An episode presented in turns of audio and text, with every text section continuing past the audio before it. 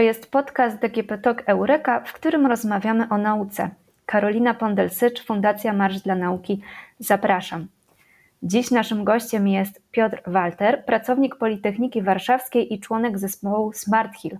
Zespół Smart Hill rozwija technologię inteligentnego opatrunku i jest tegorocznym laureatem polskiej i międzynarodowej edycji Nagrody Jamesa Dysona. Dzień dobry. Dzień dobry, Piotr Walter z tej strony.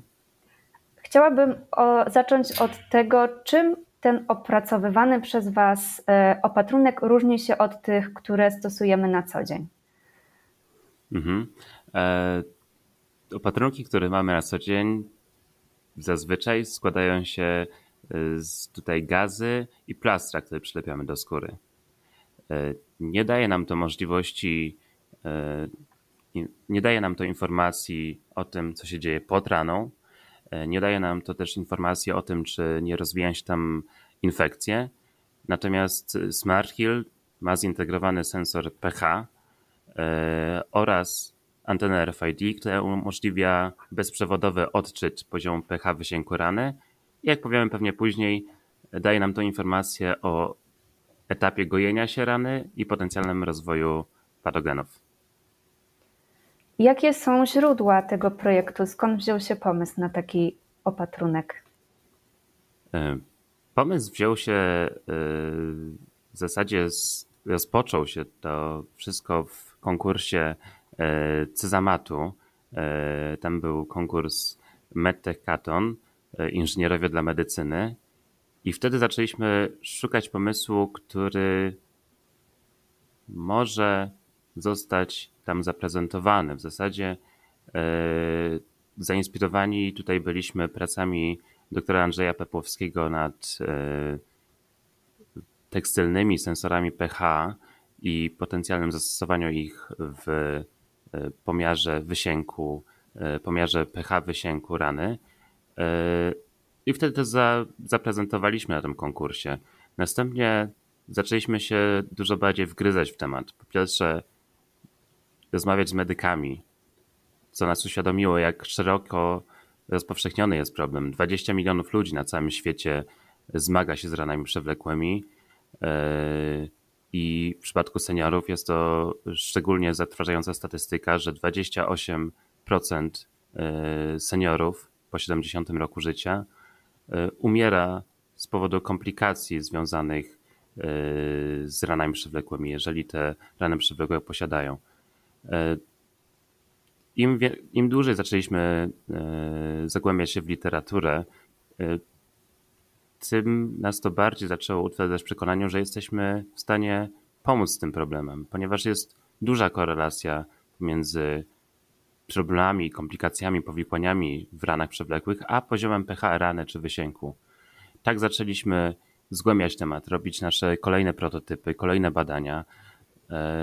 No i potem wystartowaliśmy w konkursie Nagroda Jamesa Dysona, ale nie zatrzymujemy się, no i idziemy tutaj dalej i cały czas prowadzimy badania na nowych prototypach, nowych materiałach, e, licząc, że ten projekt zostanie wdrożony i rozwijany będzie dalej. Jak wyglądają te eksperymenty, badania, o których e, wspomniałeś? E, jakich narzędzi na przykład używacie w tych badaniach? Mhm. Na szczęście narzędzi, jeżeli mówimy o na przykład technikach wytwarzania, to szczęśliwie są to w fazie prototypowej używamy tych samych narzędzi, y, które potem by mogły zostać zastosowane do masowej produkcji. Y, są to rozwiązania rodem z przemysłu tekstylnego. Używamy się do druku. To jest używany w wysokoseryjnej produkcji koszulek. Jest y, bardzo tani, bardzo skalowalny i z tym, że my zamiast e, nadruków na koszulkach e, drukujemy na opatrunku, a naszymi wzorami są sensory. To wszystko się bierze z tego, że opracowaliśmy szereg autorskich materiałów, które umożliwiają nam po pierwsze stworzenie obwodów elektronicznych, a także materiałów elektrochemicznie czułych na gazie. Co to są za materiały? W przypadku ścieżek przewodzących używamy e, kompozytów polimerowych e, z metalicznymi cząstkami przewodzącymi. Tutaj głównie się opieramy na na przykład cząstkach srebra. Jeżeli chodzi o materiały elektrochemicznie aktywne, no to jest to szeroki zakres. W przypadku naszych sensorów pH w SmartHill używamy elektrody grafenowej z tlenkiem rutenu, który wykazuje y, bardzo wysoką aktywność elektrochemiczną. Y, zmienia de facto y, jakby w sensorze, w sensorze potencjometrycznym taka warstwa umożliwia odczyt właśnie poziomu pH ze względu na ten tlenek rutenu. Następnie oczywiście mamy zewnątrz też na bazie kompozytów polimerowo-srebrowych nadrukowaną antenę RFID. E, wróćmy jeszcze do konsultacji z lekarzami, o których wspomniałeś. Jak one przebiegały? E, w ramach pracy w Cezamacie, e, to jest Centrum Zaawansowanych Materiałów i Technologii, mamy szczęście współpracować z nimi, no, może nie co dzień, ale tydzień po tygodniu, ze względu na to, że prowadzimy wiele projektów badawczych, projektów grantowych i konkursowych, E, które wymagają współpracy ze szpitalami e, i mm, z szeroko pojętą kadrą medyczną. Od, e, od profesorów medycyny poprzez rehabilitantów, poprzez pielęgniarki. I oni na początku nas uświadomili o skali tego problemu i tym, jak ważny jest, żeby on rozwiązać. Po pierwsze, nas uświadomili, Y, jak to często dotyka ludzi, jak to jest ciężkie do rozwiązania, ze względu na to, że takie rany trwają czasami latami czy miesiącami y, i często pacjenci są bez ciągłej opieki medycznej, tylko są po prostu w domu. I też umożliwiają nam, te konsultacje z medykami umożliwiają nam dowiedzenie się więcej o procesie badań klinicznych, wdrożeniach czy po prostu potrzebach E, jakie niosą ze sobą opieka e, nad ranami przewlekłymi. W Smart Hill zajmujesz się biozgodnością komponentów sensorycznych. Co to znaczy? Mhm. E, no tak, jeżeli mamy do czynienia z materiałami, sensorami, które mają styczność bezpośrednią ze, ze skórą, to muszą one spełniać szereg bardzo rygorystycznych wymagań. Pierwsze muszą być biozgodne. E, to tak w różnym uproszczeniu oznacza, że mm, muszą nie powodować żadnych negatywnych e, skutków w kontakcie z e, biologicznymi tkankami czy żywymi organizmami. To są jeszcze badania, badania biozgodności, które można przeprowadzać w warunkach laboratoryjnych.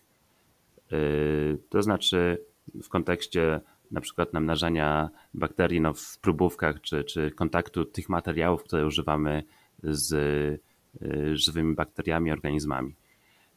Dalej jeszcze stoją przed nami badania kliniczne, które będą musiały dodatkowo wykazać zgodność mm, z tkanką ludzką, to znaczy już na pacjenta konkretnie, na wysięku z rany, na ranach przewlekłych.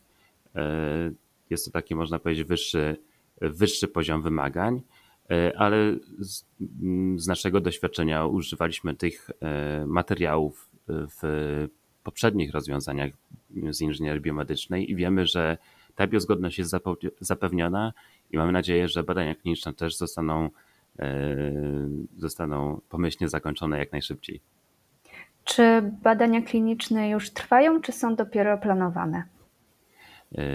Badania kliniczne to jest proces, który trwa 2-4 lat. To zależy bardzo mocno od sytuacji i od problemu e, i wymagają e, w zasadzie no, czasami nawet milionowych nakładów e, finansowych, które, które są w tej chwili poza naszym, naszym, naszym zasięgiem finansowym.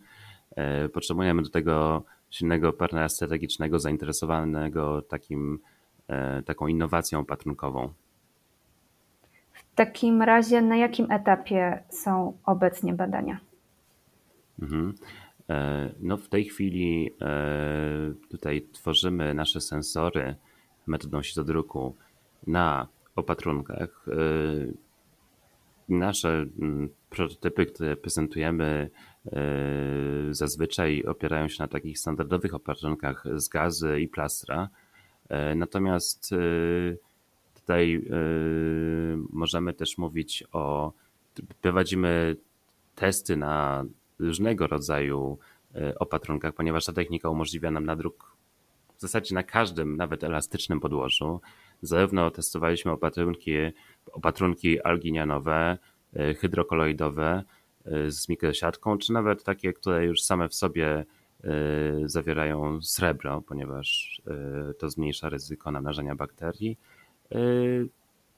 No więc w zasadzie mamy przetestowane szereg materiałów, to w pierwszej kolejności. E, testy e, elektrochemiczne, bo ja tutaj też jestem w zespole ekspertem od elektrochemii, e, też zostały przeprowadzone i wiemy, że ten pomiar pH jest na tym rozwiązaniu możliwy w warunkach laboratoryjnych.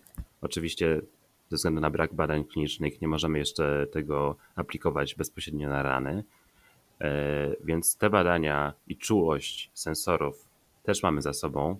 E, te sensory działają, są bardzo czułe, e, szczęśliwie nawet bardziej niż to jest niezbędne do pomiaru, do pomiaru rany.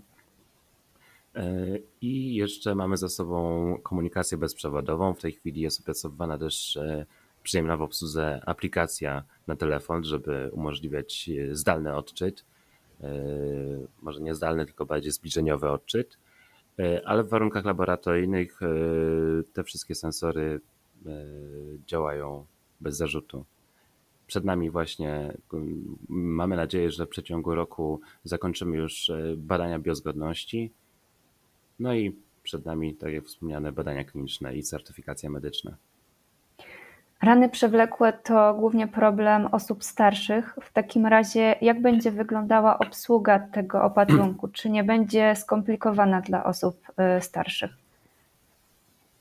E, tak, tak. Jest to problem, który zdecydowanie e,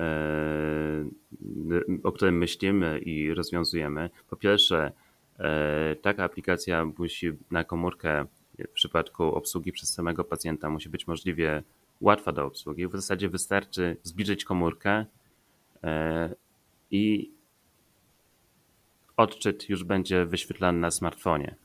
Natomiast jeżeli e, osoba w wieku podeszłym nie ma smartfona, e, to jest możliwość odczytu tego przez personel medyczny, poprzez moduł. W zasadzie w środowisku medycznym, szpitalnym jest to nawet pożądane rozwiązanie, żeby nie używać smartfona e, personalnego, tylko używać specjalnego modułu e, dla medyków. To jest trochę inne zastosowanie, ale też bardzo ważne, ponieważ jakby wcześniej wspomniane rozwiązanie zakłada odczyt przez personel medyczny czy pacjenta w warunkach właśnie domowych jako w zasadzie mm, informacja E, dla pacjenta o stanie rany. Inna sprawa to jest przyspieszenie, e, przyspieszenie pracy w środowisku, e, w, w warunkach szpitalnych. Jeżeli mamy do czynienia z, z obchodem medycznym o poranku, gdzie te na przykład rany są, te opatrunki są zmieniane, rany są oglądane i oceniane, to jest to możliwość, jest możliwość zrobienia tego znacznie szybciej e, przez personel medyczny, zbliżeniowo i bez potrzeby zmiany opatrunku, która spowalnia proces gojenia. A czym w projekcie zajmują się pozostali członkowie zespołu, czyli Dominik Baraniecki i Tomasz Raczyński? Mhm. E, Dominik Baraniecki e, zajmuje się u nas elektroniką i komunikacją bezprzewodową. E, on zapewnia, żeby e, odpowiednią komunikację naszego opracowanego przeze mnie sensora z anteną RFID, e, przesył informacji oraz następnie odczyt i analizę tych danych. Tomasz Raczyński jest naszym specjalistą od czytodruku. Jakby nawet w tej chwili, jak rozmawiamy, jest w laboratorium i drukuje kolejne sensory. No ma, ma też ma lata doświadczenia na koncie pod kątem druku wszystkiego, od sensorów nacisku, poprzez sensory temperatury, sensory ciśnienia, sensory pH. Wszystko to metodami sitodruku i termotransferu. Hm, też innej technologii wykorzystywanej w przemyśle tekstylnym. W artykułach, które ostatnio ukazały się w związku z Waszą wygraną, możemy przeczytać, że Smart Hill to narzędzie tanie i nieinwazyjne. Co głównie wpływa na cenę takiego opatrunku? E, tak, jesteśmy w, e, jesteśmy w takim paradoksie teraz, że sam nasz innowacyjny sensor i antena i cały układ elektroniczny wewnątrz opatrunku jest e, tańszy niż sam opatrunek. E, nawet taki najtańszy e, opatrunek z gazą i plastrem jest droższy od naszego sensora w produkcji przynajmniej 10 tysięcy sztuk.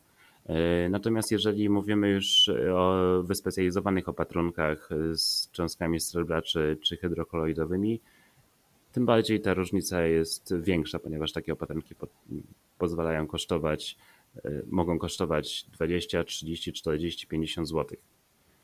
Zależnie oczywiście od rozmiarów, typu i rozmiarów e, i, i e, typu opatrunku i rozmiarów rany, która musi być osłonięta. Więc tutaj, odpowiadając na pytanie konkretnie może bardziej o cenę, to jesteśmy w stanie przez stosowanie takiej skalowalnej metody wytwarzania, jaką jest sitodruk, przy 10 tysiącach sztuk jesteśmy w stanie zejść do ceny 50 groszy y, za sensor, co jest po prostu y, wynika z ceny samego materiału użytego i technologii i czasu na druku. A co to znaczy, że Smart Hill jest bezinwazyjny? Bezinwazyjny to znaczy, że nie ma tutaj potrzeby pobierania próbki z tkanki pacjenta. Jeżeli mogę, to wyjaśnię trochę bardziej, jak e, się ocenia normalnie e, ranę. Mm, jest tutaj pięć kategorii oceny rany klasycznie. Po pierwsze, rozmiar, kolor, wilgoć i zapach.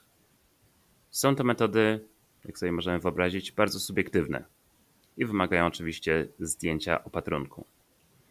E, nie są inwazyjne, natomiast są bardzo subiektywne e, i poprzez zdjęcie opatrunku taka ocena wydłuża proces gojenia.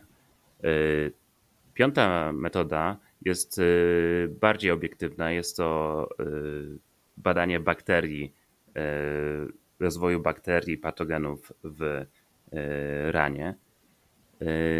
Niestety jest ona inwazyjna. Wymaga pobrania tkanki od pacjenta, co jest, jak sobie możemy wyobrazić, bardzo bolesne w przypadku pobrania tkanki z rany. Więc inwazyjność określa tutaj e, ingerencję w ciało pacjenta. Kiedy opatrunek będzie mógł trafić na rynek? To jest trudne pytanie i zależy mocno od e, czasu przebiegu E, czasu zakończenia e, badań biokompatybilności i badań klinicznych. W najbardziej optymistycznej opcji będziemy mogli zobaczyć Smart za 3 lata, jednak zdajemy sobie sprawę, że może to też potrwać do 5 lat. Gratuluję wygranej i życzę dalszych sukcesów. Dziękuję bardzo za rozmowę. Dziękuję bardzo. Naszym gościem był Piotr Walter, członek zespołu Smart Hill, który jest tegorocznym laureatem polskiej i międzynarodowej edycji nagrody Jamesa Dysona.